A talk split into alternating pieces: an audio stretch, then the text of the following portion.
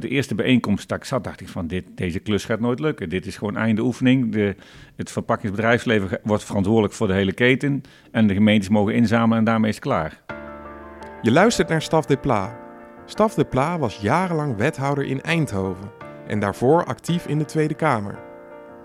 In de afgelopen periode was hij namens de VNG hoofdonderhandelaar in het verpakkingendossier en had hij een sleutelrol in de totstandkoming van de vernieuwde raamovereenkomst. Ik was wel benieuwd naar zijn verhaal. Hoe ging hij te werk? En wat waren de struikelblokken? Ik sprak met hem af bij hem thuis in Utrecht, waar hij me meenam in het proces en de uitkomsten. Als eerste vroeg ik hem hoe je gevraagd wordt voor een klus als deze. Han Noten belde eh, in september vorig jaar belde hij op of ik daar uh, wel animo over had.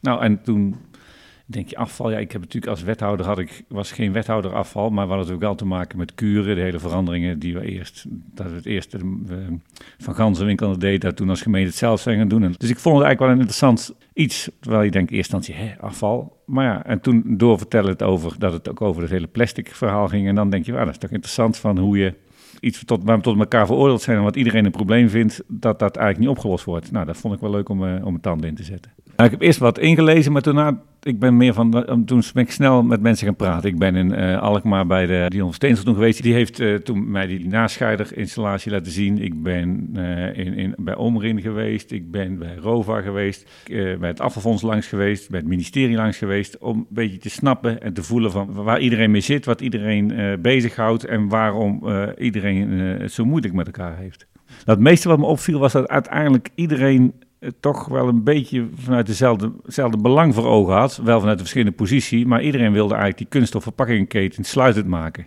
Vanuit een bepaalde duurzaamheid, maar ook vanuit een bepaalde financiële overwegingen. Maar door die lange tijd discussiëren met elkaar was dat gemeenschappelijk belang was men bij het oog verloren. En had men alleen nog maar over de verschillen. En elke keer uh, werd dat vergroot, werd het wantrouwen over en weer alleen maar groter. Dus we zijn begonnen met vooral met elkaar te praten over, ja, maar als ik, mij, als ik jullie allemaal praat, valt het op dat uiteindelijk het einddoel is toch eigenlijk wel dezelfde kant op. Dus dat moet toch lukken om eruit te komen. De rol van NVD was belangrijk om, om twee redenen. Want zij hebben het initiatief genomen dat er uh, iemand voor vrijgesteld moest worden. Omdat het natuurlijk het secretariaat van de VNG is relatief klein. Dat willen we ook met z'n allen. Dus die hebben daar relatief weinig tijd voor. Door er nu gewoon dedicated tijd in te steken. Uh, en dus daar hebben ze een belangrijke rol in gespeeld om dat initiatief te nemen. En die hebben daar ook een financiële belangrijke bijdrage aan geleverd. En eigenlijk de belangrijkste bijdrage is dat we de, de verschillende mensen van de regionale uh, bedrijven, die hebben heel belangrijke inhoudelijke input geleverd. Want als je technische afspraken gaat maken, dan kan je al wel mooi hoog over doen. Maar we moeten wel uh, met elkaar zorgen dat het ook uitvoerbaar is wat je afspreekt. Dus ze hebben heel veel tijd en denkwerk gestoken in al die, uh, zeg maar die werkgroepen en studeerwerk om tot dit resultaat te komen. Het ministerie is natuurlijk een onmisbare partij in de onderhandelingen. En dan met name als het gaat om politiek draagvlak. Een raamovereenkomst wordt voor 10 jaar gesloten. Toch werd er in het begin van het traject een opvallende strategische keuze gemaakt. We hebben ons minder afhankelijk gemaakt van het ministerie. Want je ziet toch, dat, dat vind ik nog steeds fascinerend, dat zo'n staatssecretaris, die, zeker deze, die, heeft, ja, die, die, heeft, eh, die wil iets dat die, de economie meer circulair wordt en dat er minder kunststofverpakkingen in het milieu terechtkomen, meer gerecycled. En dan zag je het ook in het begin dat zo'n ministerie heel erg zoiets heeft van, nou, we moeten min mogelijk gedoe. Het verpakkingsbedrijfsleven is verantwoordelijk, dus gemeentes, waar heb je het over? Eh, dus als we nou gewoon het bedrijfsleven laten doen, dan zijn we er ook klaar. En dat, want ik weet nog goed dat de eerste bijeenkomst dat ik zat, dacht ik van dit, deze klus gaat nooit lukken. Dit is gewoon einde oefening. De, het verpakkingsbedrijfsleven wordt verantwoordelijk voor de hele keten. En de gemeentes mogen inzamelen en daarmee is het klaar.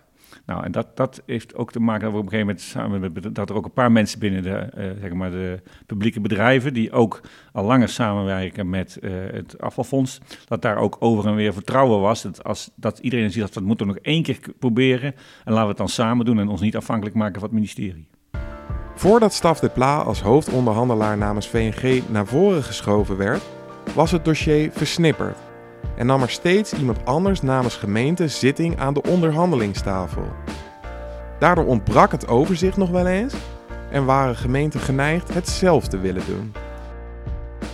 Het voordeel van dat je op een gegeven moment één iemand die er dedicated mee bezig is, is ook dat je elkaar aanspreekt binnen gemeenteland van nu moeten we ook zelf niet alleen maar klagen wat de andere niet goed doet, maar dan moeten we zelf ook helder zijn wat we willen bereiken, wat, wat aan onze kant uh, de oorzaak is van de discussie. Wij moeten ook bereid zijn dat dat, dat rare idee dat we alle 350 gemeentes moeten per se het allemaal op een eigen manier willen mogen doen. In afvalland ben je al gewend om met gemeentes samen afspraken te maken. Er zijn maar weinig gemeentes die in een eentje het, het, precies bepalen, niet met, met buurgemeentes. Dus laten we nou eens een keer even van dat idee afstappen dat die gemeentelijke autonomie iets heiligs is.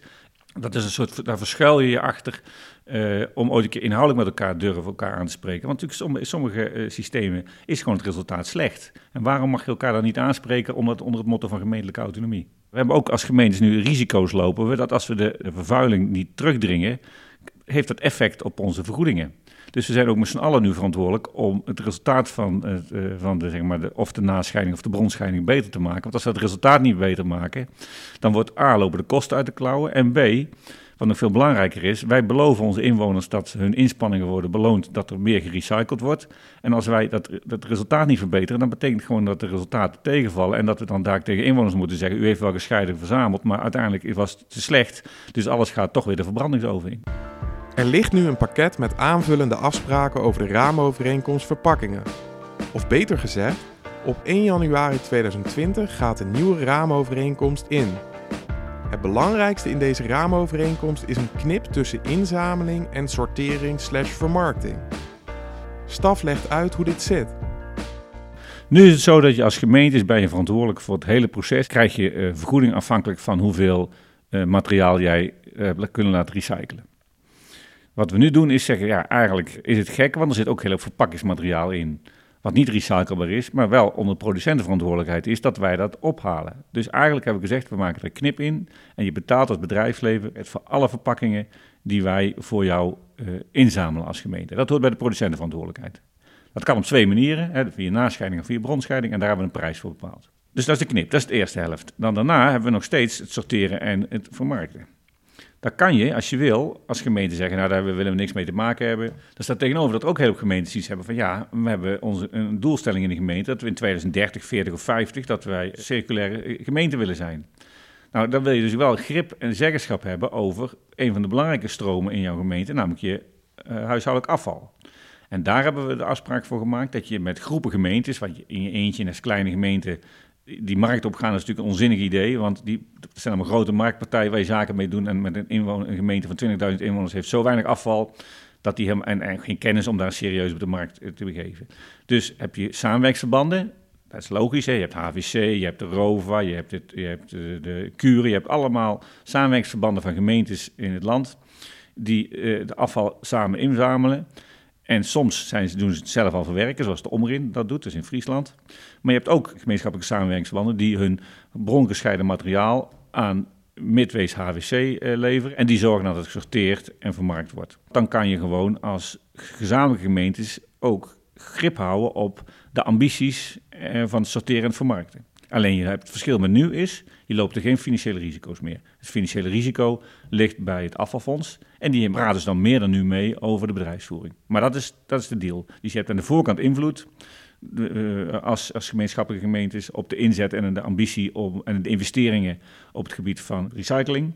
Uh, maar je loopt, minder, je loopt geen financiële risico's meer. Maar als je zegt van nee, ik wil graag als gemeente zelf verantwoordelijk blijven, dan kan je tot 1 januari 2023 kan je gewoon het oude systeem doorzetten. En dan krijg je vergoeding voor de hele keten, maar wel met alle onzekerheden die er tot nu toe nog bij horen. Die financiële zekerheid wil je gemeentes geven. En de andere kant wil je ook snelheid hebben, dat, zodat er weer echt, dat er weer, lang, want het komt de afspraak voor twee keer vijf jaar, dus voor tien jaar, dat er weer geïnvesteerd gaat worden in, uh, in sorteren en recyclingscapaciteit. Want anders hebben we daar een geweldig stelsel en gaan we steeds meer gescheiden inzamelen, maar kunnen we het niet uh, recyclen. Een technisch verhaal, maar waar is Staf nu echt trots op? Wat zou hij op een verjaardagsfeestje vertellen over dat wat hij bereikt heeft? Nou, waar ik, het, ik in het begin het meest trots op was, omdat ik zelf uh, uh, niet zo goed in het dossier zat, maar wel gewoon uh, thuis, net als elke andere Nederlander, inwoner ben en elke keer vertwijfeld in de keuken staan, wat mag er nou wel en niet in. Dat we nu afgesproken hebben dat we dadelijk in heel Nederland één en hetzelfde lijstje producten hebben wat er wel en niet in mag. En dat we niet kijken of het recyclebaar is of niet, want dat is het probleem van het bedrijfsleven. Die moeten zorgen dat die verpakking recyclebaar is. Maar dat we vooral kijken welke stoffen mogen er niet in omdat die namelijk het sorteerproces uh, en dus daarna de recyclebaarheid negatief beïnvloeden. De laatste tijd daar zag je regelmatig van die radioprogramma's op Radio 2 hebben op zondag zo'n programma, dan mogen mensen een vraag stellen. En keer op keer kwam er weer de vraag bij, kunt u me uitleggen waarom dit verpakkingsmateriaal wel in, uh, gescheiden moet worden ingezameld en dat niet? En dan dacht ik elke keer van, het is toch eigenlijk bizar dat we uh, het product zo ingewikkeld gemaakt hebben dat onze inwoners een soort ja, een soort verpakkingsdeskundige moeten zijn voordat ze gewoon een bijdrage kunnen leveren aan van dingen die ze kopen, dat ze netjes het afval weer gescheiden inleveren, zodat de industrie haar verantwoordelijkheid kan nemen en haar rommel op kan ruimen. Nou, ik vind dat vind ik nog steeds mooi. Dat moet nu echt de komende tijd gaan lopen. En belangrijk is, dat is natuurlijk heel bijzonder was dat, dat we de sorteerspecificaties, die stonden in een raamovereenkomst waar de handtekening van de minister onder moest. Op het moment dat er in de markt veranderingen optraden en je eigenlijk op een slimmere manier de recycling kon verbeteren, dan moest er bij wijze van spreken eerst, om dat te veranderen, moest er een handtekening van de minister onder. Nou, dat is natuurlijk bizar, want dat kost natuurlijk heel veel tijd. Dus als je dus je, je sorteerspecificaties aan wilde passen, omdat er kans op de markt zijn, om het circulariteit te vergroten, dan, dan was dat heel ingewikkeld. En dat is dus nu ook afgelopen. We kunnen gewoon nu samen met het afvalfonds en de VNG zitten we in het platform ketenoptimalisatie, waar we dit soort afspraken kunnen maken, zonder dat we daar een heel circus voor op poten moeten zetten en dus op die manier uh, de uitvoering kunnen verbeteren. De nieuwe raamovereenkomst verpakkingen is een feit. Op de vraag of staf nog actief blijft in het afvaldossier antwoordt hij het volgende. Ik blijf nog betrokken bij het dossier, en, en, zeker nog een half jaar. Maar wat we afgesproken hebben is het volgende. We hebben een van de dingen die, ons wat die het zo lastig maakt, is als er een probleem in de praktijk deed, zoals toen een tijdje ineens de petre allemaal niet goed ging, was dat er helemaal geen plek was waar je als bedrijfsleven en gemeente met elkaar snel kon overleggen, wat is het probleem, hoe lossen we het samen op. Dus we hebben nu besloten om een platform ketenoptimalisatie op te richten. Daar zit de VNG in en het afvalfonds om als er zich problemen voordoen, om die dan versneld op te kunnen lossen. Wat belangrijk is, er zit, er zit ook Olaf uh, Prinsen als voorzitter van de NVRD in, omdat het ook belangrijk is dat het, gaat eigenlijk ook over praktische uitvoeringszaken, dat we de kennis van de, zeg maar de uitvoeringsbedrijven die we als gemeentes hebben, dat we die kennis ook zorgen dat die op tafel ligt, want uh, het, gaat, ja, het moet praktisch blijven. Het heet niet van niks een platform ketenoptimalisatie. Het gaat over die keten geoptimaliseerd worden, dat we blijven investeren en vernieuwen en veranderen en innoveren. En dan heb je wel mensen uit de praktijk nodig aan VNG kan, want anders kunnen wij niet uh, goede afspraken maken. En um, als we dan over, dat, over een half jaar, stel dat ik nog een keer terugkom, is het dan makkelijker geworden in de keuken om uh, afval te scheiden? Ja, ja, ondertussen weet ik het nu, hè, want ik ben nu deskundig geworden met al die discussies over wat, wel, wat mag er wel en wat mag er niet in. Maar ik ga ervan uit dat we dan het, dat we dan het komend half jaar op radioprogramma's nog wel de vraag krijgen hoe zien die nieuwe regels eruit? En leg nou eens uit waarom het nou toch een zak chips in mag, terwijl het niet recyclebaar is. Dat mensen dan kunnen uitleggen hoe het zit. En dat we over nog weer een half jaar later, dat daar geen enkele discussie meer over is. Om twee redenen. Omdat we het gewoon eenvoudig voor mensen hebben gemaakt. En dat in het bedrijfsleven weer een stap gezet is dat er uh, het aantal verpakkingen wat niet recyclebaar is, weer verder afgenomen is. Dat betreft is wel goed nieuws dat in die Green Deal die de Europese Commissie voor heeft gesteld, daar wordt min of meer gezegd, in 2030 hebben we alleen nog maar recyclebare verpakkingen en dan is dat probleem ook opgelost. Deze korte podcast, of moet ik zeggen microcast, werd gemaakt in opdracht van en door de NVRD. Abonneer je nu op ons kanaal via Spotify, iTunes of SoundCloud. Laat direct even weten wat je van dit kanaal vindt.